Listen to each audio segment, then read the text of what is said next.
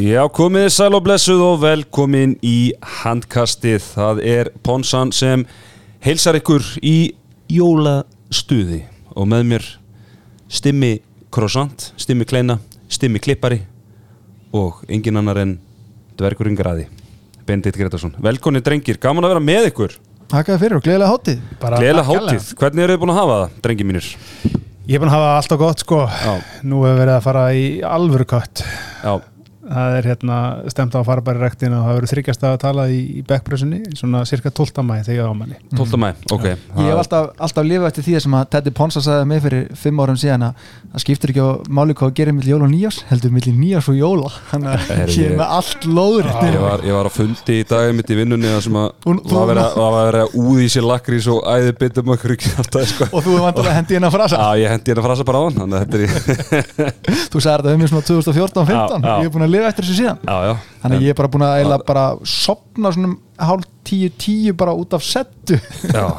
það Já, nema að þetta er samt bara svipahöður líka eh, milli nýjars og jóla. Herri, ég er enda fór undir 90 kílóðin fyrst skipti í svona 10 ár rétt fyrir jólin. Já, ég ætla mikið með. það verið það, það er ekki verið að þú veist Þá dreigi þetta allt saman tilbaka Þá dreigi þetta allt saman tilbaka. Herri drengi mínir uh, Þetta verður flottur þáttur hjá okkur í, í kvöld en við getum myndi ekki nema fyrir okkar frábæru samstagsæðla og uh, fyrst að byrja þar að nefna Dominos og Coca-Cola. Sko ég held í mína uh, Þorlásmessu hefð Mhm. ég vil ekki sjá þessa skötu en það er alltaf Dominos pizza á Þorlásmessu og ég bara bauð allri fjölskyldunum, stórfjölskyldunum upp á pizzaveislu. Já, ok. Já, það er, það var bara grand. Já, ég skil það vel. Skata er auðvitað bara, þetta er eitthvað svona rempingur Já, Fólk svona, já, já, já, þetta verður að vera aðeins kæstari og eitthvað. Og það borðar þetta raun og verið enginn sko, finnst þetta öllum ógeðslegt. Mhm. Mhm. Þannig að ég hendi mig líka á Dominos. Ég bara, ég býði það þannig, já, ókost þannig að ég þarf alltaf að panta Hawaii. Það er einu sem börnin borða Þannig að ég neðist til að kaupa það. Svo leifi ég með svona að fá mér Já, klassik eða peppa svepp En nú þykist þið vita að stórfjölskyldan þín tætti, þú, hún telur fjöldamanns menn að þú ert bara með eitthvað sex sískin og eitthvað. Mhm, Það var ekki, að- það voru ekki alveg allir. Þetta voru svona kannski 10-15 Já, þannig að þú hefur vantilega farið bara í 2-3 matabóð uh, Ég reyndar fór bara í tvennu tilbúin Já, bara nóga þeim, Já. bara sexu ja, tilbúð Þetta voru, voru heldur fjögur tvennu tilbúin það er áttu tilbúð Já, og vantilega ísköld já var, hún var ísköld með. Herru bílamöstuðun Krókálsi 7 Þeir eru alltaf í góðum gýr syngjand og taralandi og þeir vinna á milli jól og nýjurs Já, þeir eru að, Það að eru að díla og skvíla. Já, sagði. vorkendi ég þeim í morgun. Getið ímyndað eitthvað hvernig er eiga bílasölu og þurfa að skafa, þú veist þetta var ekki að skafa í morgun sko, þetta var fucking klaki Já, sem þetta þurfti að- Já, ég brautnast í sköfun að Já, vera til að sjá miðan Já, Já. þetta er hörku vinna þú veist, þetta er ekki gott fyrir bílasölum en þegar það kemur svona Nei, alls kuldi ekki, sko. alls Nei, ekki. nei, og þeir verða pottit í munn hérna, ég, hérna, ég hef fulla að trúa því. Herri, Ólís vinnur á vellinu, vinnur við veginn, vinnur handkansins, vinnahópur Ólís þeim er búið kom mér undir 90 kílóin. Já, komið undir 90 kílóin, kaffikúrin kaffekúrin, það er ekki búið að senda tilbúin fyrir janúar. Þú farið kaff og kleinu Já, og svo borðar ekkert fyrir bara um kvöldið. Heldur betur þegar ég banta með Já. Þetta er Þetta er frábært, frábært uh, triks uh, Er komið í janúar tilbúðin? eða? Nei, þau eru ekki dóttin, ég bý Nei. bara, ég er búin að rífressa mailið mitt núna síðustu dag, þetta hlýtur að dettin fyrir helgi. Já, heldur uh, betur. Heyrðu stráka mínir uh, Landslið okkar, það hérna, kom saman til æfinga núna. Var ekki fyrsta æfingi bara núna? Í dag, í dag? Í djúsmýri. Í djúsmýrinni og hérna og ég get sagt ykkur það að Gísli Þorgir hann uh, var með á æfingunni og bara svona bar sig bara nokkuð vel eftir æfingu og að það vantaði svona nokkur prósent upp á en, en hann bara fyndi nánast ekkert fyrir meðslunum hann að það er, það er mjög jákvætt. Uh, Elvaret Jónsson sem að við kannski búin að hafa hvað mestar áhugjur af hann svona verið störa kannski stist komin í, í eða svona lengst frá, frá parkettinu en hann er aðeins byrjaður á parkettinu og byrjaður að hérna hlaupa og, og, og skjóta og æfa sjálfur þannig að vonandi og stefnir að ná fyrsta leik en hérna vonandi bara fá þessi mestu honum á, á mótinu. Þannig að þetta lítur þokkalega vel út núna Heldur betur, bara frábær fréttir að þessi tveir gæjar séu ég byrjaði að að beita sér. Maður var svona ekkert allt og bjart sín ég verði bara að viðkynna það ég var eiginlega nánast búin að afskrifa Gísla Þorkir út úr þessum móti fyrir einhverjum mánuðum síðan sko.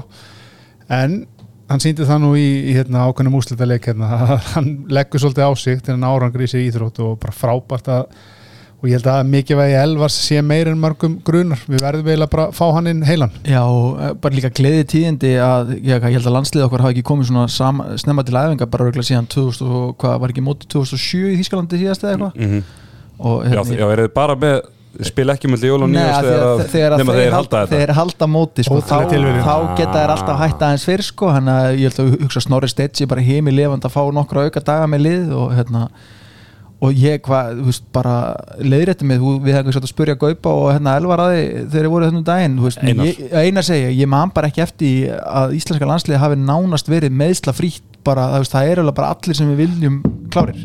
7, 9, 13 akkurat. Klippið út. En hérna, já, klippum, út Klippum út. En hérna, þeir voru allir í, í 66 gráð norður flíkunum sínum og ekki veitir af í, í þessu Jésús kulda. Kristur maður Djöfull var kuldinn. kalt. Já, sko jöklaúlpan bara, þetta er fastegn Já, ég myndi sér á hjólum en þetta er fastegn á fótum. Já, ég er í drangjögli, Já. unisex. Þannig að þetta, þetta kom sér vel og eins og einar rödd myndist þetta var ekki eitthvað djöfisir strassl eins og þau voru í hérna back in the days. Já, já, 66 með okkur þegar við fjöllum með landsliði sem og gút, gút, engin sigur, betra bragð. Krönsi ketostángirnar, Benni, þú ert að fara í átak. Þetta er til í öllum betri búðum. Hvaða brat hendur ég, ég, þeir eru með bounty, svona eiginlega Já, bara þetta er svona kókos, þetta er svona svo bondi. Já, hætti, hætti, hætti, hætti bara að tala. Já. ég, ég, Þetta er sæll Þetta er selt, þetta Herru, er selt. eitt sem ég prófaði, þeir eru með hérna súklaðismjör og hnetusmjör, bara sem er bara með miklu minni sigri en, en hérna svona vennilegt dótt, herru ég, ég haksaði þetta. Ég fegði mér brauðsneið um daginn. Setti hnetusmjörið og súklaðismjörið ón á það er getið eðlilega gott. Þurfum að prófa þetta. Já, við vorum að teka þetta. Teka á þessu, heyrðu okkur í heimilega sjálfsögur líka þegar við, tölum um landsliðið Valdi Gríms Geitin, eh, maður sem komst í heimsliðið eh, 97 frábær á því móti og bara einn okkar allra besti hotnamaður í, í, í sögunni. Herðu, strákar, við ætlum að hérna eh, gera upp árið núna á eftir. En en við gerum það, þá ætlum við að heyra í meistara Chris O'Reilly. Já, og áhöröndur, eða hlustendur mun öruglega kannastu röddina og ég get sagt ykkur það að þið hefur öruglega hýrt hann á EHF TV Já, hann er sem sagt að lýsa leikjum á EHF TV og, hérna, og er svo líka með podcast sem heitir Uninformed Handball Hour. Já, og ég hlusta, ég hlusta svolítið á þetta í hérna, kringu Stormondin og, og hérna, kringu Final Four. Og þeir eru bara mjög hérna, vel að sér og, og, og svona vel inn í svona Já. alþjóða handbólta svona kannski þessir, þessir strákar og kannski svona Rasmus Boysen, þetta eru svona kannski þeir aðeila sem að maður fylgist mest, mest með þeir eru rosalega djúpir í þessu og, og hérna gaman að hérna heyri honum og, og hérna mik mikla þekkingu á, á íslenska liðinu og, og svona og, og hérna uh, við ætlum bara að heyri honum og, og sjá hvað hann hefur að segja um þetta allt saman And on the line is uh, Chris O'Reilly, handball expert. Uh, Chris, thank you for taking the call. Uh, Thanks for having me. It's great, to, great to chat to you guys and uh, start the build up to the European Championship. yeah, it's only, Stimmy, how many days? It's two weeks now. two weeks now until we will celebrate our real holiday. I mean, we, you know, we have, I mean, we have a holiday season now, but the real holiday starts in mid-January. We, I, I think we can all agree on that. Yeah. Absolutely. And as, as usually, you know, during the festive period in Iceland, the expectations are, are building up. Uh, we, we always have big expe- expectations, and we think we have a we have a good team. But uh, how do you rate the Icelandic team? Uh, you know, Icelandic team chances for the tournament now in in, in January. Yeah, it's already been uh, a few weeks. I've been speaking to some people about this Icelandic team and also hearing about how many of you are going over to Munich and uh, and hopefully onwards after that. I think that kind of uh, excitement for a championship is something that's very infectious and so something that uh, I think a lot of handball neutrals also want to, to see this team go far. And um, I mean, looking at the championship as a whole, uh, it, it feels like a really good opportunity for this team to to make a, another major breakthrough. Like we saw a couple of years ago at the European Championship, they uh, really were knocking on the door and came so uh, terribly close to getting to that semi-final. And uh, honestly, it feels like they have a, a really decent opportunity in what looks like it's going to be a very even main round group. Should and I guess we can expect Iceland to get through to that main round, but if and when they do, uh, it's a very open group. So I think in that sense, it's a, a good path for this team to potentially get into the semi-finals. Yeah, it won't be easy. You know, you have teams like uh, you know France, Spain, uh, of course, uh, the hosts in, in, Germany. So you have to be above like two of at least two of these three teams to, to be in the semi. Yeah. So so you have uh, you have a big and strong belief in the in the Icelandic team. Yeah, I mean, I think we we all do this in the build up to the championship, looking at the the six groups and trying to, to create a pathway uh, to see which teams are going to make it through. And um, as things look at the moment, you know, I, I think this team, um, of course, the uh, the fitness of uh, Elvar Jonsson, I think, is is massive for this. It's a big question mark, I think, for everyone. If he is fully healthy, and his return would be huge for the the team's defense in particular, which seems to be maybe the only kind of question mark for them, the the goalkeeping and uh, and defending. And if uh, Jonsson is in there, if this team uh, has someone like Victor Hallgrimsson having a European Championship like he did two years ago, then yeah, I think uh, on a given day, uh, I would put them maybe slightly uh, ahead of teams like Spain and, and Croatia, Germany. As the co as the host, um, uh, hosts are always in with a kind of a special chance, but the the squad itself doesn't give me too much excitement at the moment, uh, and I think the the attacking power that Iceland have will, will see them through in a in a game against Germany. Uh, of course, that's what it looks like on paper. How it looks like uh, on the court in a few weeks' time is is something we'll uh, we can we can only predict and and hope. But yeah, all signs I think are pointing towards um, at least a, a, top eight finish for this Icelandic team. And uh, I think, given the disappointment uh, last year as well at the World Championship, that uh, I think you guys back in in Reykjavik and, and further afield are expecting something similar. Yeah, uh, were you aware of the disappointment? Uh, there was a lot of disappointment in Iceland, of course. Uh, the coach Guðmundur Guðmundsson was uh, was sacked in the in the aftermath of the tournament, and, and because the ex expectations were really high for the tournament. Were you aware of the disappointment in the Icelandic, uh, what do you say, society and and uh, in the handball society as well? Yeah, so I, I, was there in Gothenburg during the main round, um, and sitting even up in the the media seats and uh, in the commentary booth, uh, you kind of get that feeling from the the Icelandic media, uh, and then also the fans as well, who came in their thousands. Um, it it really was something you felt like this this team was perhaps going to do something special, based mainly, I guess, on the the last European performance with uh, a kind of uh, a hodgepodge squad where you're just finding players to do special things on a given day. Uh, and so when you finally have a, an almost full squad, I think you're expecting a lot more.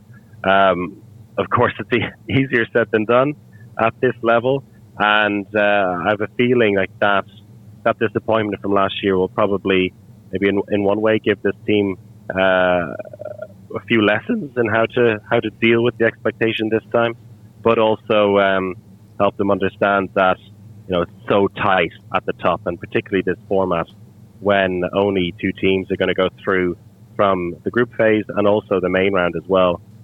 That you know one bad day could could really ruin your chances. So uh, hopefully the Icelandic public also uh, keep that in mind uh, in the next few weeks. Mm -hmm. which players, you know, if you look at this Icelandic team, you know, for this Icelandic team to progress and and and, and go to the semi-finals, you know, which players have to have a great tournament so Iceland can be there.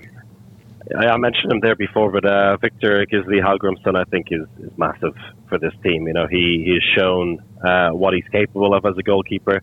Uh, still, in a in terms of goalkeepers uh, at the international level, quite young, and um, I think a lot of people expected him to, to take that next level for a club and country after the, the European Championship a couple of years ago. Maybe that hasn't quite happened yet on a regular basis, but he's definitely shown that he's capable of that. And um, if he's in inspired form, then I think he gives the, the team the foundation to, to do anything they need. Um, besides that, it's you know the the attacking uh, power in this team is incredible, and I think uh, having uh, Gisli Kristjansson back is phenomenal. Uh, I already saw him in a couple of Bundesliga games, and he slowly but surely getting into a bit of form uh, perfect timing for Iceland to have him back. And uh, when you look at the, uh, the combination between him and uh, Omar Ingi Magnusson, I think that is something to be to be really excited about. Um, maybe we haven't seen the two of them combine in quite a while because of injuries. But uh, if they can find their old rhythm again for the national team, it's going to be, be fantastic. I think there's not, not so many questions about that backcourt. Um, I think the, the wings is something which, on paper, there's always a lot of excitement about. I think you know, you know uh, there's two really solid, if not exceptional, wingers on uh, on both sides for this team, but they don't always seem to, to hit the heights they need to for Iceland. So I think Bjarki Mar Ellisson is uh, is going to be massive if he can can live up to the expectations for the team, and, uh, and if so, I mean, yeah, it's, hard to see uh, teams being able to outfire this team in attack. Uh, the attacking power is incredible. The intelligence they have in the backcourt uh, is really impressive, and uh, yeah, you just feel like they need seven or eight players each time to, to come up with the goods. But for me, the, the goalkeeper question is probably the, the big one. Mm-hmm. Uh, so, if you look at the tournament as a whole, uh, you know, which nation do you think are aiming to win the tournament, uh, or favorites to win the tournament? Yeah, I think uh, at the moment, looking looking through it, I have maybe kind of five teams that that could be uh, real contenders in terms of the semi-finals, and uh, three of them happen to be on Iceland side of the the tournament. So looking at uh, France, uh, Iceland, and Spain. Spain maybe on paper not uh, the power that they used to be, but I think they even showed last year that they always are able to play above their individual talents, and you can never. It's kind of a an old saying now in handball, but you can never count out uh, the Spanish team. And then on the other side of the, the draw, it's Sweden and Denmark for me. Uh, I think they're the two, on paper, the two outstanding teams. And uh, uh, I'm sure you guys don't want to hear it, but uh, yeah, Denmark seems to be almost unstoppable at the moment, uh, particularly after what they did to you last year, uh, but or two years ago, rather. Yeah, yeah, yeah. But um, don't mention it. But yeah, but they, yeah, they're looking scary good. I think. Yeah, the the squad from top to bottom, it's really hard to poke holes in, in that team, and uh, yeah, at least uh, at the start of the championship now, it's, it's them who are kind of my favourites, and I think most people's. Mm -hmm. uh, so, which nation do you think you know will have a rough time and and maybe uh, disappoint the expectations they have? Yeah, I think uh, we mentioned Germany there as the as the host, and I think as a home nation, there's always a lot of expectation, particularly because this is going to be. Uh, I think one of the most outstanding major championships we've had. Like having a European Championship in Germany at last is incredible. Uh, we saw how impressive it was when they hosted World Championships, uh, most recently co-hosting with the Danes, and just the, the atmosphere in the arenas there, the the, the way this uh, nation, uh, when it comes to handball and the people involved in it, really get behind the sport. That's going to make for a great tournament. Um, I have a feeling, though, there won't be any Germany in the final weekend, and that'll be a huge disappointment for them. I think they've been uh, trying to build up in the last couple of years. Like the World Championship last year was, uh, I think, a bit of a, uh, a stepping stone for them, and they saw, okay, if we can if we can go this far at a World Championship, then things are timing nicely for uh, for the European Championship. You never know what uh, what they're capable of, though, and I don't need to talk to you about uh, about their coach and what he's capable of. an Icelandic hero in his own right. but I have a feeling that, that um, they're going to rely a little bit too much on um, on their goalkeeping and Yuri Knorr in the centre. The, the left and right backs are not impressive enough for me. So I think it could be a disappointing one for them. Um, I think Norway are a little bit maybe not expecting as much as they used to, uh, particularly on looking at their draw when they're going to be up against Sweden and Denmark for a semi-final space. A team that are able to put together something special on a given day, but I think yeah they might not be able to do it regularly enough at this championship. And uh, if I were to go for two teams that would be very disappointed and maybe not even make it to the main round, two teams that might see themselves belonging at that level, I think Poland and Hungary could have a tough, uh, tough time. I think Poland uh, in that group with Norway and Slovenia could miss out. And at the moment, I see in Iceland's group, in Group C, uh, maybe Serbia uh, being slightly ahead of the Hungarians, but that's a really tough group from top to bottom. Uh, I, I, wouldn't be surprised by anything we see in that group, but yeah. I have a feeling it's going to be another uh, unfortunate tournament for Hungary. Yeah, I'm glad. I'm glad you say that because you know uh, Hungary have not been our best friend in in in in, No. in the in the Icelandic handball history, and, and we have lost against them many many times. So and we and we actually got an early Christmas present when the Roland Mikler was not in the final group, so we were, we were really happy about that. yeah, that was good good to hear that from you. Uh, so if we look at the you know the players in the tournament, uh, which players you know have been playing the best uh, handball in Europe uh, this uh, this winter and and come really high flying into the tournament.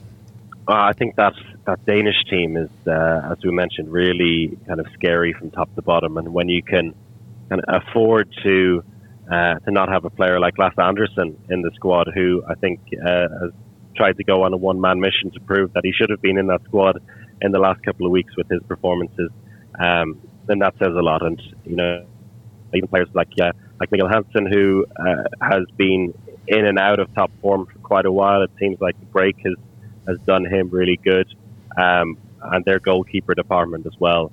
Uh, Landin and Emil Nielsen, who I think has been perhaps the most uh, one of the most impressive goalkeepers in this first half of the season. He's really made that uh, that number one spot his own in the the Barca team. So very exciting uh, to see what they're able to come up with. Uh, also, players who uh, haven't necessarily driven the national team in the past, like Emil Nielsen, it, it could be a, a chance for him to uh, to really step up for them.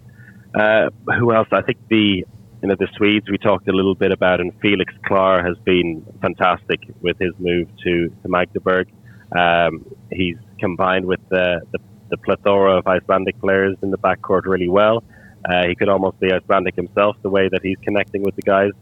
So uh, I'm really impressed with him so far this season. I think he uh, will be crucial for Sweden if they're going to uh, go anywhere close to defending their title. Um, he's going to be uh, important for them because Jim Gottfriedson is maybe not not at the same level he was uh, a while ago. And then another player that has perhaps been one of the best in the world, Dika Mem, uh, at right back for for Barca. He's part of a, a France team, which I think um, I haven't heard so many people speak about uh, yet. It's kind of like the the French team. You almost expect them to be in the semi-finals, and then you can start talking about them.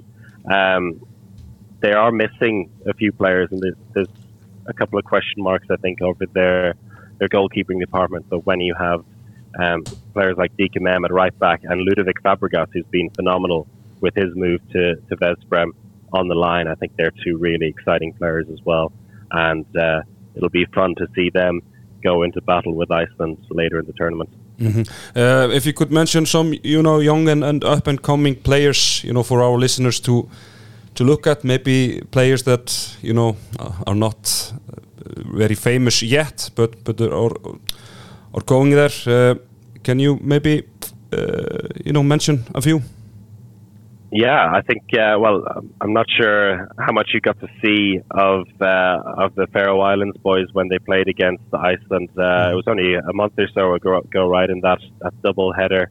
Um, I think it wouldn't be right for me not to talk about them a little bit because I'm huge fans of what they're what they're coming up with. Uh, I was lucky enough to be in Torshavn in April when they played their their qualifier against Ukraine to, to basically get to this stage and I'm really excited to see what they're able to do at this uh, at this level as well. Elias Delasvenashipagatu is, uh, I think, the big the big name there. Oli Mitton is another one, but uh, I see that he has uh, just had an injury in the latest game for Saberhoff, his club. So I don't know what the extent of that damage is, but there could, well, hopefully, uh, we'll be able to see him in action. And uh, besides that, I think looking over at, uh, at Portugal, they always uh, throw a few uh, exciting new names into the mix as well. And uh, there's the Costa brothers as well. Both of them are going to be in the, the squad. Francisco Costa is uh, a young right back, and I think it's going to be maybe a, a, little bit of his coming out party in this regard, competing at at this level. So yeah, the, the I'd say the young players from not the, the obvious teams that are, are going to be into the semi-finals, but uh, teams that are going to be battling away in the preliminary round, hopefully for them getting into the main round. I think that's where you're going to see some of the more uh, exciting young players. Mm-hmm. Uh, and, and finally, Chris, uh, we're looking at the opening match of uh, Germany and, and, and Switzerland. Uh, uh, f- they're talking about 55,000 people Yeah. in the attendance, world record. you know how big is how big is this for you know for the sport basically? Yeah, I think it's it's massive. You know, the the idea of having this many people in, in an arena for handball sounds a little bit ridiculous, and I think it's not something we want to see all the time. I'm not sure how many how good the, the viewing will be for fans uh, in this arena, but yeah, I think it's part of the the, the experience that people will talk about having been there, uh, part of the crowd for that opening game, and uh, it, it sets a, a nice opening tone for the championship as well. Having this world record broken, it'll create a lot of headlines. It'll create a lot of buzz. Um, I think from the German perspective, they they just have to hope that uh, uh, another maybe not so young star Andy Schmidt and uh, Nicola Portner won't spoil the party. That's the kind of thing that keeps coming into my mind about this. Is maybe the uh, there there could be a, a bit of a shock in that opening game, but uh, without talking about that too much, I think it'll be uh, an amazing occasion and will set it off to a really good start. Uh, you talked about how many how, the Germans really support this uh, these championships. I think the European Championship is going to be kind of groundbreaking in itself in terms of the amount of fans we see overall, and having a, a world record broken at the start is going to be fantastic. And then seeing the uh, the individual arenas there, I know how many how many Icelandic fans are planning on going to Munich. Uh, that's going to be special. I'm lucky that I'm going to be in Munich as well for the preliminary round, so I'll get to experience it uh, firsthand as well, and hopefully share a couple of beers with my Icelandic fans. Yeah, I'll be there, so maybe we'll share a beer. uh, let's let's do it. Yeah, well, we're going to be in Munich for a handball. I think uh, it would be rude not to, right? yeah, exactly, exactly. We'll be in touch, Chris. Thank you very much for taking the call and, and all the best. Uh, my pleasure. Take care and see you in Munich. Bye bye. Já, þökkum Chris O'Reilly kærlega fyrir þetta Stráka, þetta var margt áhugavert þarna sem, að- sem að kom fram Hann hefur, hann hefur mikla trú í íslenska liðinu og svona hann er ekkert að dempa mína vendingar Nei, nei, hann, sko, hann hefði geta verið hálf íslenskur þegar ég var að hlusta á hann á hana því að hann hefur ágjör eða svona markvæslan þetta, Já, já, og var- varnarleikurinn. Já, þetta mun standa og falla með markvæslinni Já. sem að við erum búin að hugsa bara sína Gummir Hafkels var efnilegur Já, ef einhver hefði sagt mér fyrir einhverjum árum síðan ég væri að hlusta á írskan handbólta sérfræðing segja mér til sindana sko, það Já. er bara grenja á hlátri sko, en, en gæinn vel að sér Mhm. og hann kom svo sem inn á bara punta sem að allir sem að horfa eitthvað á handbólta hafa alltaf áhyggjur af fyrir hvert einasta stórmót, það er markvæsla og varnarleikur Mhm. og nefnir hann auðvitað Viktor Gísla sem algjörun líkilmann, ég held að við verðum að vera sammála á honum í því máli sko. Já, það var ansi, ansi gott og hérna, mér er líka bara áhugavert, ég menn hann er bara eins og tala, hann er ekki mikla trú á þessu þýskalið Já, það, mér, það, það kom mér á óvart en það er peppað upp vendingarnir hjá mér sko. Já, ég meina það, þú veist, þá er hann að setja okkur þú veist, fyrir ofan þá, þú veist, þá erum Þá við er þetta bara þá erum við í top 6 Já, þá er þetta bara spánverjar sem við þurfum að taka og við tókum Já. það á olimpíuleikunum Já, Já, spán, já. spánverðarnir eru eins og hann kemur inn á sko, þetta er bara svona lið einhvern veginn, maður er einhvern veginn aldrei spenntur fyrir þeim, Nei, svo allt í hennu ranka maður við, ok, þeir eru í Final Four. Já. svo eru allt í hennu úslitalegnum þetta er maskina þetta er bara svona vel sko. Já, já. En hérna virkilega gaman og við heyrum mögulega aftur í honum þegar að uh, líður á, á mótið, sérstaklega ef, að- ef að vel gengur. Já, já, bara hvetja hlustundu til þess að hérna, subscribe á, á þetta podcast honum til að fá, þú veist ennþá dýpri kannski í hinliðin við munum alltaf munum sjá um íslenska lið og gera það vel en eða menn vilja fara ennþá dýpri í þetta þá bara um að gera að hérna, hlusta þá kompana Un, hvað heitir þetta? Uninformed. Un- Uninformed Uninf- Handball Hour. Já. ég like bara- and subscribe Like and subscribe, nákvæmlega. Herru stráka, þá er komið áramót á síldinni maður. Ha, yes. bomban nú kemur bomban. Já, og við ætlum að byrja á óvendistu félagskiptunum í bóði Ríni Endurskoðunar. Uh, og það eru tilendir Dagur Sverri Kristjánsson úr IR til Karls Króna í Svíþjóð. Alexander Pettersson came back from retirement og endaði val og hoppaði reyndar svo til Kat Katari í millitíðinni. Ólafri Stefánsson frá Gróttu til Q1 með millistoppi í herði Ísafyrði og Jónas Mæger þraut reyndur þýskur leikmaður sem á fullta leikjum í þýsku búnduslíkinni endaði í herði Ísafyrði og sigurvegarinn þarna er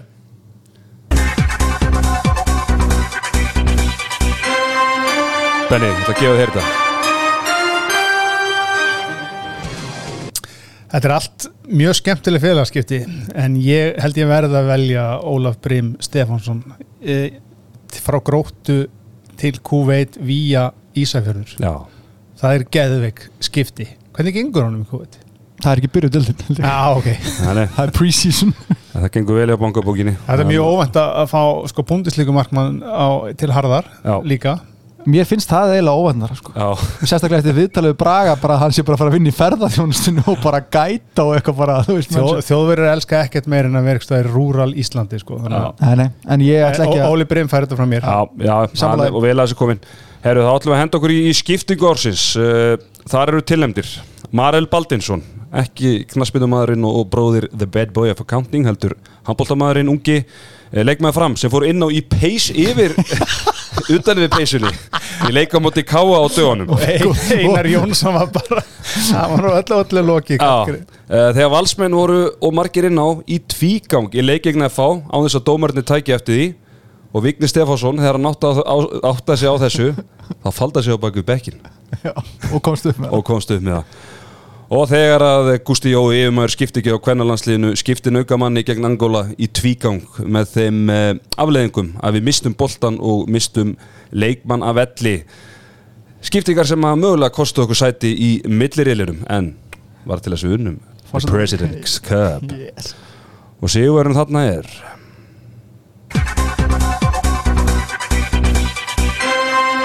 Stimmi, ég ætla að gefa þér þetta Herri, þetta hlýtur að fara upp í, upp í sumabústæðin þetta var ekkert eðlilega fyndi.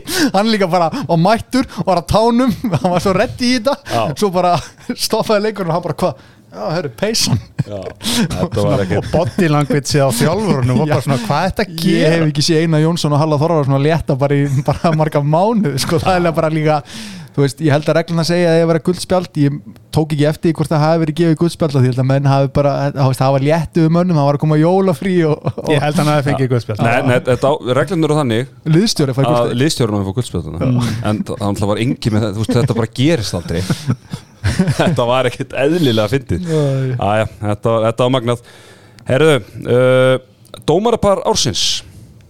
Þar eru tilemdir Anton Gili Pálsson og Jónas Eliasson Svavar Ólaði Pétursson og Sigur Hjörtur Þrastarsson. Uh, Arnardæði Arnarsson betur þetta sem Sjeffin og Theodor Ingi Pálmarsson Pálsson fyrir fum, fumlösa framistuðu í leik uh, afturheldíkur og, og óðinsi í Evropuleik í þætt, þáttunum afturheldíku og Sigurverðin hann er. Ég verð að gefa Sjeffanum og Pálssonu þetta. Er það ekki alveg bara jú, ha, jú, við værum nú á slæmi staði að þið myndu ekki vinna þetta. Já þegar ég gaf hann þjálfarinu rauðaspjaldið Já. fyrir, fyrir Kjöpburg og þú leist líka út eins og svona mjög svona strángur og leiðilegu dómari. Já já, sem ég var og er.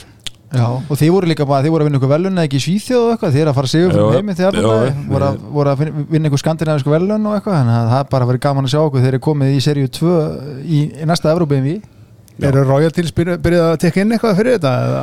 það fer að kikkin ok, herðu uh, herðu þá komið að status ársins. Uh, einhverjir munu takk eftir því að Björgur Páll Gústafsson er ekki tilemdur hér en, en engar ágjur meirum það síðar. Hann var sér flokk á eftir. Status ársins. Guðmundur Guðmundsson Arnalags þegar hann tók uh, HSI og pakkaði þeim saman. Sakaði þá um að hérna Hræsni. Hræsni og alls konar að hafa sami við Arnalags og þetta væri bara dómadags uh, rugl.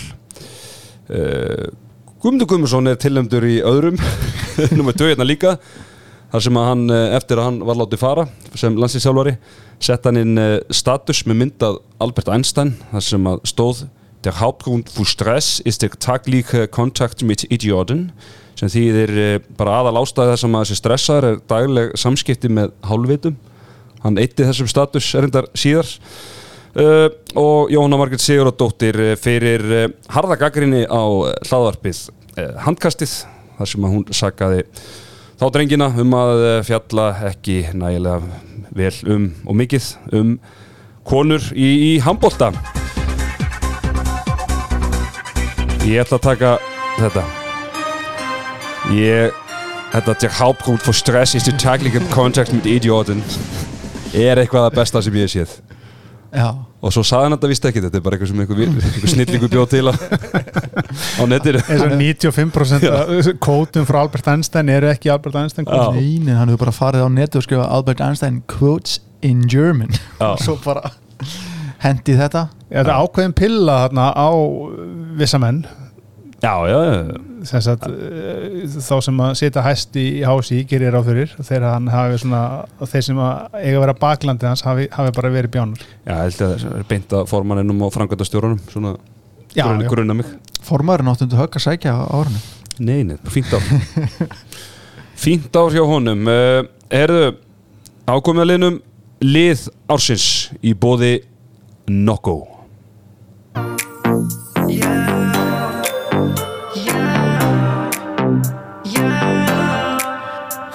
Það eru tilendi Karlali Vals sem fór upp úr reylakefni Európa-deildarinnar ásatt í að vinna deildamistara titil Fenna Líðbjöfaf sem vann byggartitil og deildamistara titil og fór í úrslit í Íslandsmóti.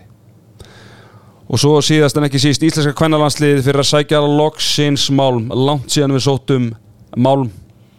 Var það ekki bara bjökefnin eða? Jú, 89 Já Lið ársins í bóði Nokko er Íslenska kvennalandslið Það er ekkert annars en kvoti greina. Nei, ég sammála því. Já, alþjóðlegu málmur, er ekki sammála því? Jú, og sælur hrollur niður bara niður í hæla þegar, þegar byggarinn fór á loft og, og vel að þessu komið.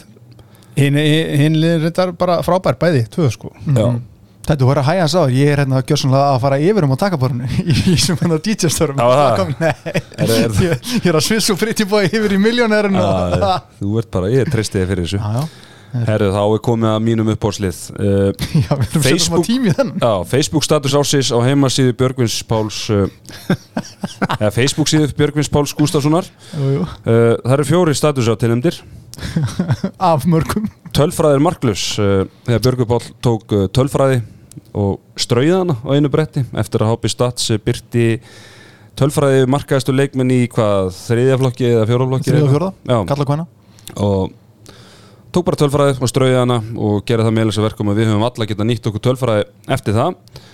Uh, þegar hann strauði svo kallega sófasérfræðinga inn að gæsalappa á einu bretti inn í klefa klukkutíma fyrir mikilvæg leik gegn Tjekklandi í undakefni EM. Já, og átti ekki góðan leik Shocker, Nei, en við unnur enda leikin það var- Viktor Gísla uh, Þegar hann steig fram eftir heimsvistaramótið sem hann vann nú frekar slagt af okkar hálfu og sagði að innan gæsalappa hver prófessorinn á fætur öðrum stígunum fram með útskýringar á allt og öllu. Og númer fjögur þegar hann uh, hraunaði yfir símamótið og bara svo reyndar afsökunar á því öllu. Stimmi, ég ætla að lega þér að velja status ársins á heimasíðu Björgvins Páls Gustafssonar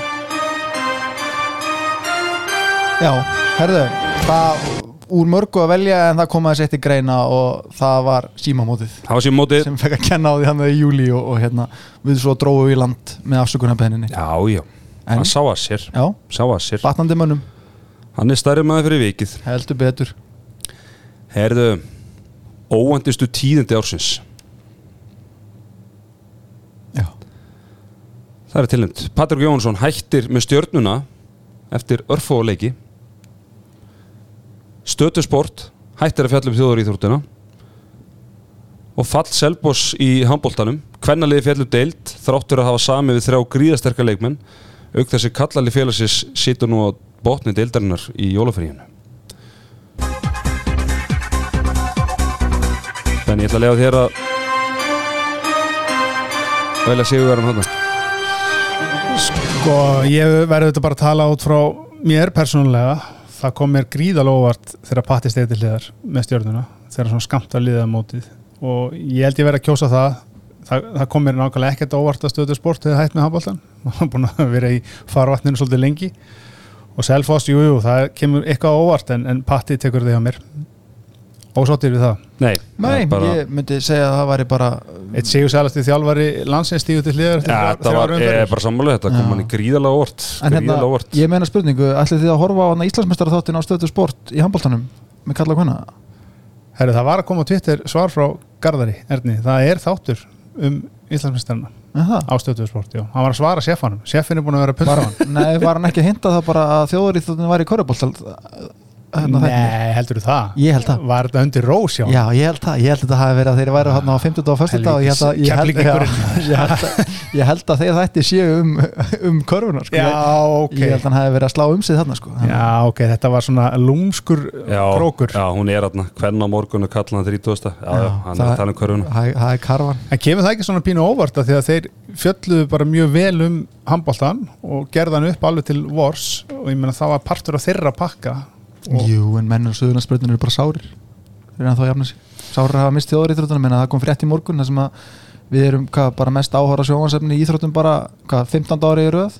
Eigum top 5-6 sætin, erum með top 8 af 10 þannig að ég held að bara, þú veist. Já, já, þegar við verðum með einhver 90% áhorf á handbóltan í janúar þá, þá er einhverju fjórir að horfa einhverja serpa að taka leið upp hérna í, í hérna Já, serpa-dildinni ég höfum ekki ágjörð þessu Áfram gakk. Já, ég heldur Heldur, betur, heyrðu Stimi, ég þarf eiginlega að láta þig að fá, taka næsta hérna, Já, flokk. Já, herru Ég ætla hérna, hérna, Þú ætlar ég að ætla ætlar- ekki að koma Þetta er ekki frá mér komið þannig, ég ætla bara að draga mig í hlýja núna. Þú ætlar að, þú ætlar að til hliðar vegna eh, hérna, tengslaði um málið. Herðu, þá er komið að hérna feluleik ásins og þar er tillemdur oftar en einu sinni Guðmundur Bjólusson, en fyrst vegna þess að eftir að Guðmund Gumm var rekin og í nokkara vikur þá heyrðist ekki uh, hóstnið stuna frá HSI þegar þeir voru án landslýsalvara Einnig er tilnæmdur Guðmundur Bjólasson eftir að HSI tilkynnti bæði um styrtarana Rapid og Arnarlags með stuttum fyrirvara og Guðmundur B. hann gaf ekki kostað sér í viðtöl en eh, svo þegar landsinsópurinn var tilkynntur þá bara fór hann í felur aftur og með Guðmundi í þessum flokki er Carlos Martin Santos þáverandi þjálfari Harðar sem létt sig hverfa frá Ísafjörði í sumar eftir að hafa verið viðræðum í IPVF Carlos endaði síðan sem aðstæðaþjálfari á Selfoss eftir að eigamenn slítu viðræðum með hörð þar sem að þeir vildu fá serious cash fyrir þetta. Og e, sko ég hérna ætla bara að taka þetta sjálfur. Bara ætla bara að gefa þetta alveg frí frá þessu og sigurverðin í þessu er Guðmundur B. Ólásson og ég ætla að tilhemna hann fyrir það þegar hann bara hérna, þagði rapid og arnalags af sér og mætti svo tilkynnti landsinsópin og fór svo bara á að fara eftir spyrn út í þetta. Þetta er álveru PR myndi ég segja. Já, þetta er bara, þetta er greinilega einhver taktík sem maður er búin að temja sér bara ef það er eitthvað óþægilegt að bara þetta er bara svo mjög að kenta af ömmumunni heitinni að ef þú hefur eitthvað gáðilegt að segja sleftu við þá, en samt mæti ég hérna tvistar í viku. Að spjalla Já, þetta er vel gert hjá Guðmundi, hann er, hann er félulegur ásins heldur betur. Til hamingju. Já, já, heyrðu. Herru, þetta er komin aftur, Eh, sælunur, já, gott að sjá þig. Gaman að vera með ykkur hérna aftur. Herru, þá ætlum við að henda okkur í umgjörð ársins í bóði Good Good. Good, good, good, good, good, good, good. Herru, það eru tilnefnt uh, Káa bara fyrir frábæra hérna, bara hversu frábæra þeirra að vera á samfélagsmiðlum og, og mætingin og leiki fyrir norðan. Búin að vera til mikillar fyrirmyndar uh, FH fyrir uh, bara þeir eru búin að gera frá bara svona leikdags upplifun, það rifið það á annar level og, og bara mjög upplugt fólk sem, að, sem er á bakvið það. Og svo er það að lókum símin sem er búin að sprengja alla árastölur uh, á handbóltanum í, í opinu dagskrá og, og hérna uh, langt síðan að jafn margir hafa séð uh, uh, bara svona innlenda leiki. Heldur eða þú veist hérna í deildunum hérna heima. Ég ætla að velja þetta ég ætla að uh, velja káa við óskuðum eftir að félagum myndu taka þetta samfélagsmiðla að vera að taka þessi viðtöl og, og svona hérna fyrsta það er enginn sem er að sinna því beint núna. Og þeir svöruðu kalli og hafa gert það frábælega og önnu lið hafa svona fyllt í, í kjölfarið. Þannig að káamenn eiga það svo sannarlega skilið Þeir eru búin að vera að gera vel bara árum saman sko, þegar kemur að því að sinna leikjum sko. Alveg- betur, já. þeir, þeir voru oft með bara betri útsetningar og grafík sko, heldur en stöðu sport á þessum leikjum sko, á YouTube mm. rásinni sinni, já, já, mjög flott hjá þeim og ég hefði alveg getað sett íháð þarna inn sko því að hérna leikdagsupplifinu þar hérna í leiknum á móti haugum var hún var geðug sko. Það var allt sett í forpleiði þar. Já, já, já bara, það var þegar forleikurinn er langur þá þá gerist lítið í Það er póstið búið aðalréttinum. En hérna, neina, það var hérna Ég held að þeir hafi selt guða vegar bara fyrir hérna Það var bara nánast græja bara reksturinn fyrir tímabilið sko og, og rétt rúmlega það held ég. Herru, hérna kemur minn uppáhalds uh, flokkur. Já, minn líka.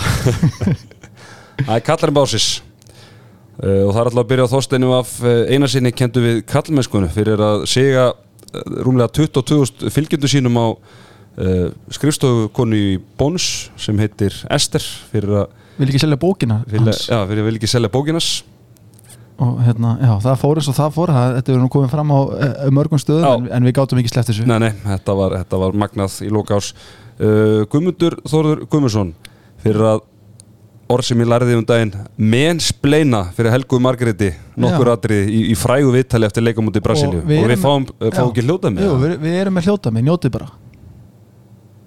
Betri markvarsla uh, hraðuplaup og náttúrulega sóknarleikurinn var algjörlega stórkostlegur sko. Ef við tökum bara aðeins vörnina í heilsinni á mótinu uh, er slæmt að það sé ekki plan B eins og bara til dæmis í þessu fyrirháleik? Veistu það, uh, uh, sko hvað heldur þetta sé eiginlega hérna? plan B. Við erum að vinna hérna mjög erfitt lið sem að er búin að vera með jafn og erfiða leiki. Vörninni stórkostlega í síðarháleik stundum þar bara að vera, við erum með mismunandi útvarslur á 6-0 vörninni. Hún er stundum nú hún aðeins tilbaka þannig að það eru margar útvarslur það bara sér, sér fólk sér þetta kannski ekki endilega en það eru margar útvarslur á vörninu og það eru margir áherslu punkt á milli leikja. Þannig að sko, veist, ef einhver eru sveigjanlega með vörninu þá eru það við við, við bara erum að spila þannig. Ef ykkur eru sveigjanlega með vörnuna þá eru við en hann leti ekki þar við sitja og við, talið barst á Donna eftir leika á móti í Brasilíu og við eh, skulum hlýða áfram. E, Þú talar um eh, þegar þú velur hann að hópa hann, hann kemur með svona aðeins öðruvísi kraft heldur en hinni tveir. Svona eftir að higgja já, mistök að hafa ekki kallað hann inn fyrr? Ég ætla ekki að fara að vera einn af þeim sem er alltaf vitur eftir á sko. Það er bara þannig að við erum með Ómar sem er eitt besti handbóltamæður í heimi. Og það er ekki talað um það, hann, hann er eitt besti handbóltamæður í heimi.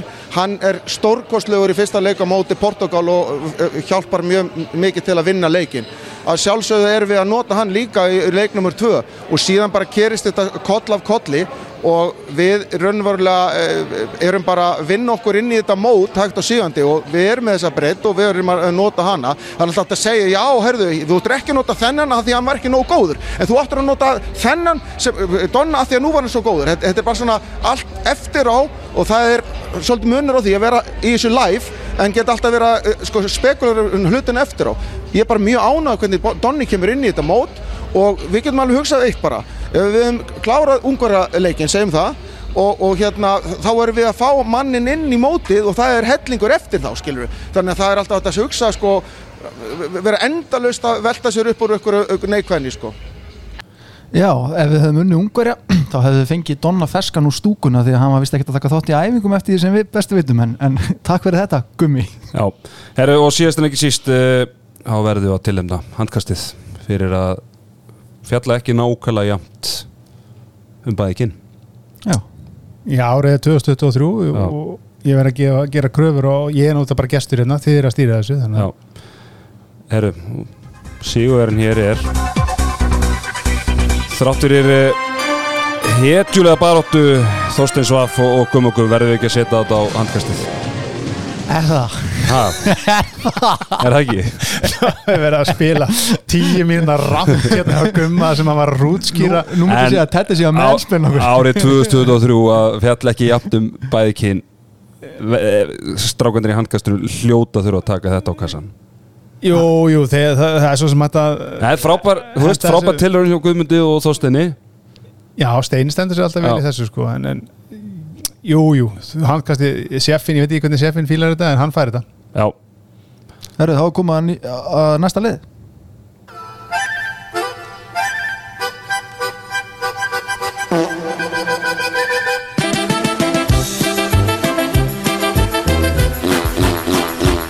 Já Þetta er minn uppáðsliður Skita ársins í bóði skól prinsunar áskeis og að þetta er minn uppáðsliður þá er tvöfald, tvöfaldar tilumningar ég er með sex tilumningar hana Já, sæll.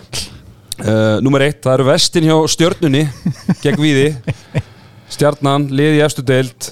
Mætti ekki með varabúnin þar að spila í vestum í byggarleika múti víði á dögunum. Fælegt uh, Þegar brunakerfi fór í gang hjá gróttu og stóð í svona 30 mjöndur 30 myndur gerir svo ekki eitthvað leiknum eftir líka, já klukkan, Klukkan, svo klikkaði klukkan leikinu eftir. Þið voru með fletti skilti eins og gömlu túneringunum í galaldaga bara hérna. Já, herru, tap IBVF gegn Viking, uh, það var alvöru skýta framistæða þar á ferð hjá eigumönnum uh, framistæða Sjeffans og Ponsunar með íhá í byggaleg gegn haugum sem var taktíst stórslis eins og Gárugarnir kallaði þetta. Já, góði varnarlega. Uh, þetta fínu varnarlega en sóknarleikurinn, við náðum að drilla varnarleikin en því miður uh, náðum ekki að halda æfingu fyrir það sem farið verið sóknarleikin uh, ferðartilögun Vikings í leik til Vestmanneja á dögunum. Og svo síðasta tilumningin dætt hérna inn rétt fyrir þátt því að við átt- áttum að vera fjórir því að bára svona læðan hann ætlaði að vera með okkur hérna í, í þættunum en forfallaðist á síðustu stundu af því að hann var á bíl sem var ekki með nógu góðum dekkjum. Nei, hættu. Þetta er satt. Og eh, Sigurvegarinn. Verður ekki að henda þess á píparan Læðuna. Jú Það ætti að vera hæ heim að tökina Að laga rörin. Hann geti skóla vel út og, og jú, hann ætti nú að ráða við þessu Báði að hafa leist þessi félag úr snörunni bara hérna sko kortir í átta. Já, já, þetta var Þetta var Við ákveðis við en- fóra okkur um árabát þarna korteri fyrir leik sko en allir fær skitu ársins. Já, já, Ég menna menni að vera komin álur dekk. Já, já, Já, það er reyndar að koma janúar sko allir minn á hann, lærir og tekur þessu bara eins og, eins og, eins og maður Herðu, þá er komið að hita máli ársins og þau voru þó nokkur og þetta er allt saman í bóði tix.is uh, ég gaf öllum hérna á skrifstofunni. Mm. tix.is gefabref, Ég held sér öllalegin og Herbert? Öllulegna Herbert. Ég er endar uh, hérna ég er svona áframgafgjöf. Ég nota þetta til að kaupa til að bjóða fóröldur mínum á heiðustónleika Egil's Ólafssonar í Hörpu uh, Þarna 27. janúar. Ég ætla að gíska að það sé hérna hann er verið þetta að leggja inn uh, smá fjárfestingu í gleðimangan mögulega. Save it for a rainy day. það þarf kannski í pössun einhver tíman fljótlega þannig að hugsalega þegar maður fyrir til munn hérna en, en það er ekkert, ekkert endilega. Herðu, hittamál ársins í bóði tík.is eh, það er náttúrulega Arnalags dýlin sem að bara kveikti í ekki bara handbóltasamfélaginu heldur bara samfélaginu yfir höfuð. Uh, þegar Guðmundur Guðmundsson var rekin sem landslýstjálfari og bara svo ótrúlega umræði og atbyrður á sem að fór í kjölfarið sem að bara stóð lengi yfir og hérna var alveg með ólíkindum. Og svo er þessu er líklega þreytasta uh, þreytasta hérna mál, það var brífaskipti ennin brífaskiptur um hauka upp af vegna frestast leiki í ólistild uh, kvenna, yfirlýsingar fram og tilbaka og ég viðkynna það að ég sónaði út hann í sjöttu, sjötta brífi var farið á milli Svo er ég með fjórðu tilhemninguna Ok. sem að ég glemt að skráða henni skjál og ætla að koma bara ykkur ávart en hérna, það er SMS-i sem Donni fekk Já, Já, það var nú að sæmilu hittamáli. Ok, Þannig að segðu okkur frá því. Já, það var eitthvað leikur í Európa-kefninni hérna og, og hérna einhver leiku, það var Valur og Já, hérna ég veit að Valur og Pák, Pák. Og, og hérna það voru ykkur SMS-sendingar á milli landsliðsfélaga í Val og, og, og, og, og Pák. Menn geta bara, þetta var eina mestlættu fréttum ásins hjá handbólti.is og fólk getur kíkt á þetta þar. En Sigurverðan er. Stimmi.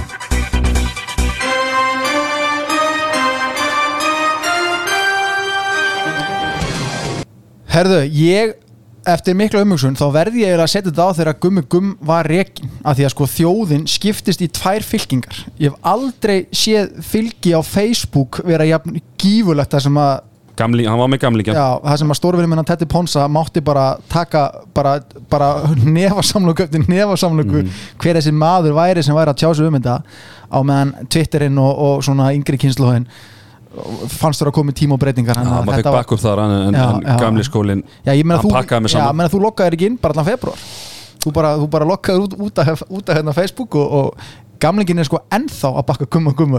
Þetta er já, hann er með rosalegt hérna fylgið þar. Já. klart mál. Vel að svo komin herðu þá er komið að Já, ég, þetta er Þetta er þú, þú veist, bara ég og ég- draugum okkur í hlé ég sá, algjörlega um þennan, lið. Þetta er fitnessport uh, leikmaður ásins Fitnessport, vinma á píluspjöldin og, og allt kreatínið og prótinið og, og í guðanabænum eftir jólaháttíðina farið í og það er líka mjög gott núna þeir eru með svona anti-blóter það er hérna það er svona, þú veist, að því að maður hérna túknar svolítið út. Alltaf heyri svo að vera og byggja með eitt En svoleiðis núna þegar ég er komin undir í 90 kíló hvað ætti ég að fara í núna? Hvað myndur þú vilja sjá mikið? Já, ég verði til að sjá smá vöðv á þér Aja, ég, ég, svona, Það fyrir aðeins að rífa í játnin ég er svona skinny fett Já, já, ég veit það aðeins svona, það er meiri fylling í þig. Herru, tilendur sem fitnessport leikmaður ársins uh, Sigurður Jefferson. Hvað segirðu? Hvað segir ég? Guarino, ekki? Jú. Já, leikmaður Háká uh, Gunnar Malmqvist uh, leikmaður Afturöldingar Einar Bræja Alsinsson, leikmaður FH og Jón Bjarni Ólafsson leikmaður FH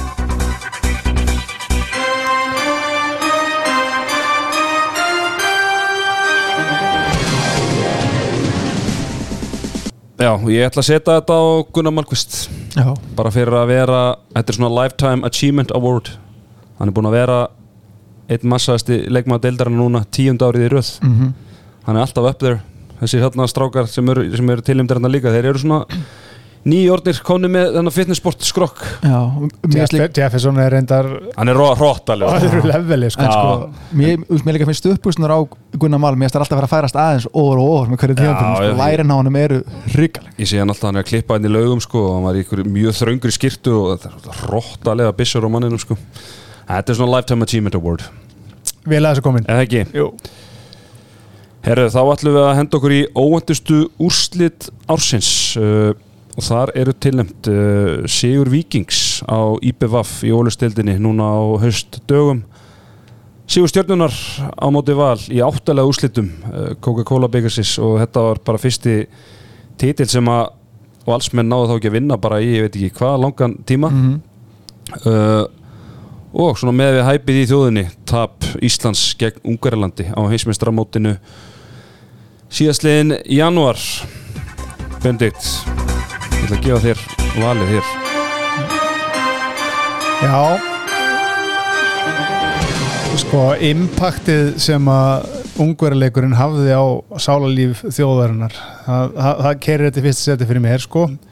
Að því það voru einhvern veginn allavega líka hvernig staðan í leiknum var og hvernig takturinn í leiknum var þá var þetta bísna óvæ- óvænt að hérna, þetta myndi sem endaði í tapi og, og þjóðin á hliðina í kjölfarið. Þetta eru eftir á skýringar, finnst mér. Já, þetta eru óttalega Þetta eru eftir á skýringar Það er Donna. að vera heima Sko, það er allt annað að vera á bekknum á stjórnusur live heldur en að vera heima í stofu og hérna.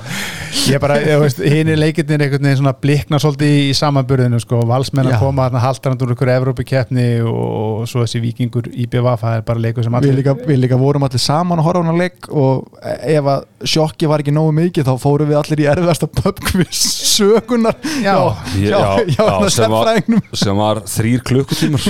Stemmingin í, í, stemmingin í þeim ágæta hóp frá því að fyrirleik og meðan leik stóð og svo eftirleik vá, munurinn Þetta var rosalegt. Sæll. Svo lendi ég í öðru seti, ég var mjög, mjög reyður þetta var, þetta var vonbreiða kvöld. Fullur og reyður Já, Já. það er í frábær. Var búinn að segja koni, ég ætla að klára eitthvað pubquiz og koma heim klón 11, ég kom heim klón hálf þrjú eða eitthvað.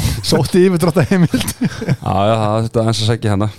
Það var gleðibanki og tæmdu það kvöldið En fínasta kvöld samt sem á þrátt fyrir, já, já, ákveðin vonbreiði Herðu, svo kemur Þetta er, held ég sé Þetta, er flokkurinn sem að þjóðin er búin að býða eftir.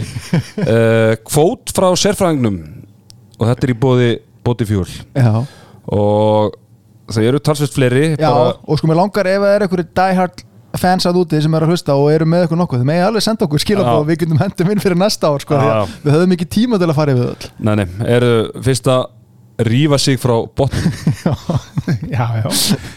hann vildi sjá liðið rífa sér en ekki spinna sér Bara tvö, uh, það er til frasi sem heitir það talað um að mín 5 cent er um eitthvað eitthva mál. Mhm. Sjefinn, mikill 50 cent aðdóndi og það er ver, smá verðbólga þannig að hann talar alltaf um mín 50 cent í þessu máli eru. Þetta eru hans skoðanir alltaf tíu sinni Já, öflugur hann. og svo er það hérna bílamistuðin að víla og skvíla.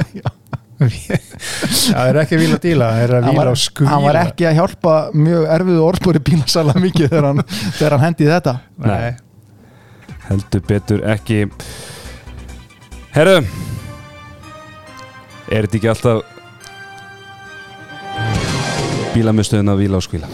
Já, það er líka svo gott kombo. Þú ert að víla eitthvað díl en svo ert að skvíla líka á sama tíma sko. ég var líka bara þegar hann, þegar hann hendi í þetta í þættunum Æ, þetta er sem ekkert mestari sko. Og líka hann hefði hendið þetta á bílasölu sko. þannig að þetta, var, þetta, þetta átti vel við. Þeir kunna hann litla þakkir Já, já, já. þar. Já, heldur betur. Heyrðu, þá er komið að uh, þetta er mjög förðulegur til lið sem að stimmi Þú barist hart fyrir að færi, færi hann inn. Við skulum hafa það alveg að reynu Stimmi, stimmi barist hart fyrir því að þetta er þið inni í, í, í þettunum það er uh, klippar ásins tilemdir Úlvar Páll Mánsi klippari. Agnar Smári Jónsson klippari. Gunnar Malkvist klippari og Stimmi klippari. Ég hef viljað sjá Garðar Örn klippara á stöðu sport Já. þarna með. Hann líka. Hann En er, producent Er- En, þetta er frábært, Mons er búin að liggja í mig núna í eitt og hálft ára að ég geti byrjað að tala um hann eins og þetta en það er gott að geta komið að hérna þannig að ég er búin að streika það út af listanum. Monsi, við erum búin að tala um þig. Já, nú þurfum við að bara að hætta að tala um þetta færi sem að þannig misnóta Já, það, það var nú inni hérna en það datt út.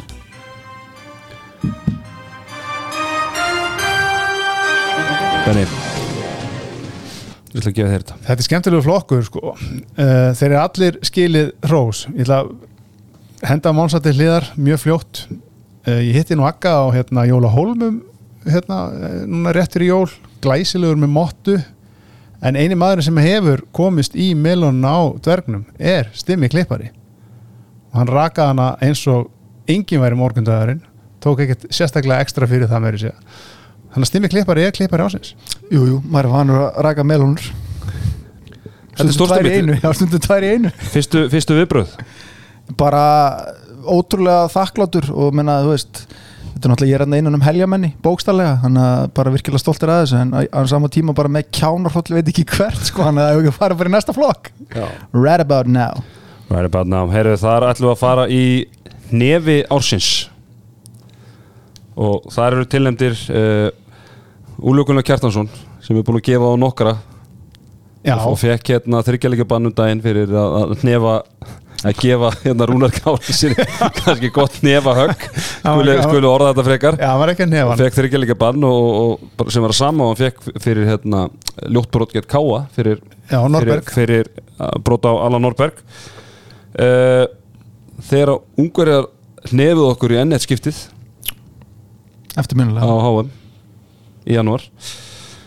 Og stál nefi sérfræðingsins gegn uh, ásmundi einari ráð þeirra þar sem hann leta hann gjörsanlega heyra, það fyrir hérna hvað við segja, hvað hérna skort bara á aðstöðumálum og, og, og hérna hvað er hafa gert í aðstöðumálum og, og svona fyrir, fyrir íþróttir almennt. Já, og ég held að þetta sé bara sjálfvalið við þurfum ekki einu svona að ræða þetta sko. Já, hvað er það? Að að þegar sjeffinn tók bara tók ásmund hann bara að drulla sér heim Nei, ég sko er bara eiginlega, sko, ég, sko, auðvitað er ég náttúrulega gífulega spenntur fyrir mótunum sem er að fara að byrja í munni Mhm. en ég er eiginlega bara spenntari fyrir þegar þeir mætast hann úta því að ég get lofa okkur því að ásmundu verður úti og sjeffinn á þetta að- hann, hann, hann á þetta að standa við þetta sko hann ætlar ekki einu svona bjóðunum í bjór sko Nei, nei. Það verður gaman að sjá þá hittast þarna félagana. Herðu, drengir, þá er komið að uh, framistuð ársins og þar eru tilnefndir uh, bara almennt framistaða Rúnars Kárássonar með IBF sem að hérna, nánast einsýnsliðs dróð og bara yfirlínuna og að Íslandsmeistara titli ára hann yfirgað svo eigina og fór í, í fram.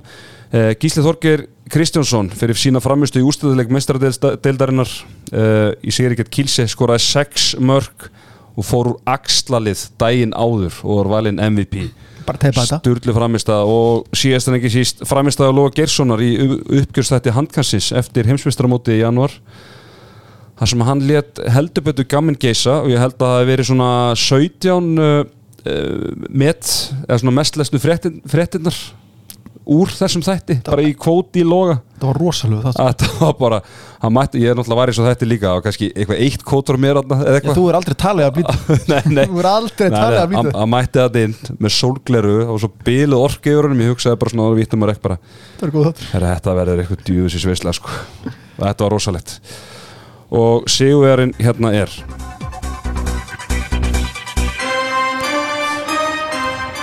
Sko fyrir mér er þetta á milli Gísla og, og Loga. Já sko hvað segir þið? þegar við fórum inn í liðin þá var ég bara þetta er gísli. Já, en svo þú fórst að rifja upp en að þátt með loga og einhvern veginn þá bara peppaðist allir upp og ég er að spila að fara heim og hlusta á hann þáttu eftir. Já, þannig að ég verð eiginlega að velja bara fórspára hans og FH á Loga Gersson sem framist ásins þetta var, Þetta var rosalegt. Þetta var ótrúlega framista Já. Ég, ég verði eiginlega verið sammála þessu. Já, Ítla við að gísla þetta. Já. Já, hann er, menn, hann er að fara að taka íþróttamann ásins eftir tvo daga eða eitthvað, þannig að hann bara, þú veist, bara þerra tárin með þeim byggar Vonandi heldur hann á liftan honum með vinstri hendi. Við þurfum að spara. Heldur Já, ég ætla að hægri að verði bara með pappa sinn með sér tröllið Kristján til Já. að lifta byggarnum ef að byggarnir fyrir á loft þar að segja. Akkurat, akkurat. Herðu, þá er komið að síðasta lið eh, í þessu uppgjör okkar í áramóta síldinni og það er uh, þjálfari ársins og þar eru tilnefndir Skarpiðin hinn drikkveldi, þjálfari afturhaldingar sem að hérna, samtvinnaði þá list að, vera ábrast fyllibitta og ná að þjálfa handbóltalið þráttur ímsar áskoranir og, og jafnvel dómara sem voru honum erfiðir. Uh, Bennett Víkert, þjálfari Matiburg sem að hérna eh, búin að gera frábær hluti með þetta Matiburga lið og, og, og skilaði þeim uh, Europatitli í, á Final Four í, í vor. Og svo Ágúst Þór Jóhansson, hann gerði valskunar á Íslandsmeisturum en hann er ekki tilumdu fyrir það. Förum yfir árið hans, hann byrjaði það á að vera aðstofþjálfari Kallalandsliðsins verður svo aðalþjálfari Kallalandsliðsins á samt Gunnari Magnúsinni þjálfara val, hvernig leiði allan að tíma. Er að þjálfa eitthvað úlíka landslið hvernig með einn líka, U17 held ég. Eh, minni við frekar en U15 og er aðstofþjálfari hvernig líka? Þetta er eitthvað fimm stöðugildi. Duglegu maður Já, rosalur.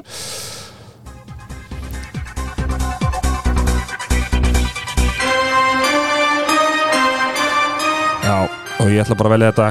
Kæru vinir. Þetta fyrir á vinnuolkan Ágúst Jónsson Það eru vendingar. Það eru vendingar, hann er að gera frábæra hluti í skíðaferð þessa dagana og uh, Það er allan enn að senda samt snapp Nei, nei, það er svona þetta er ekki nema eitthvað 2-3 sem að færa þarna. Eitthvað svo les, en uh, virkilega vel að þessu komin, Gusti Jó. Herru, var þetta ekki bara svona skemmtilegið ferð, hvað var svona ykkur upp á slokkur? Benny, ég spyr þig. Ég hafði rosa gaman að eh, Guðmundi B. að skjóta stundir alla stóla og bak við alla bekki ef að eitthvað Stimmi, óþægilegt. hvað var styr? Eh, Ég er náttúrulega bara Katarinn Básins Já, það Ég er náttúrulega sem mikill karlfeministi þá er náttúrulega bara, já, gaman að geta skila skömminni líka og hérna, við ætlum að gera betur líka og ég vona að Gummi og Þorstein gerir sama á nýja ári. Já, herru, hérna og kenda þetta á jólugjöfinni í ár heldur betur, það er einn drengur eða maður sem að, á vona að pakka frá handkastinu núna. Að borga sig að fylgja handkastinu og taka þátt í leikjum að því að við vorum að draga úr í treyjuleiknum okkar og við vorum að draga engan annan en Jakob Má Kjartansson út og hann á núna hjá okkur uh, Benfica treyju, merta Steven Tópara Valencia og bara óskumunum til hamingju. Hann getur bara haft samband við okkur á Instagram eða Facebook og, og hérna, við finnum út úr hvernig hann nálgast treyjuna þannig að bara þess að við, við höldum áfram að gefa þótt að jólun sem við búin. Mm Vel að þessu komin, heyrðu drengi mínir hérna, bara takk fyrir eh, að vera með mér í kvöld og bara njótum- minnst það, bara takk sem Já, liðis og bara takk fyrir frábæra framistuð mill okkar en ég á, á DJ-borun og þú að stýra þess þetta var rosalegt sko, þetta var já. næstu í one take. Þetta var, þetta var aldrei læg, ekki gatt En hérna, en við minnum hlustundur á það svona er núna eftir, eftir núna síðasti þátturinn okkur á, á þessu ári En hérna, bara í byrjun, byrjun hérna næstu viku og þá byrjum við á þéttir umfjöllun í uppbyttum fyrir hérna Európmóndið sem byrjar 10. janúar og við um hvað fyrsta leik 12. 12. Þannig að hérna endilega bara fylgist með og, og verið með frá byrjun og, og látið berið út fagnarindið og, og kennið hérna öllum fóröldurum ykkar á hvernig þið subscribeið í hvernig setið podcastið í síman Já, þannig að missi ekki að neinu.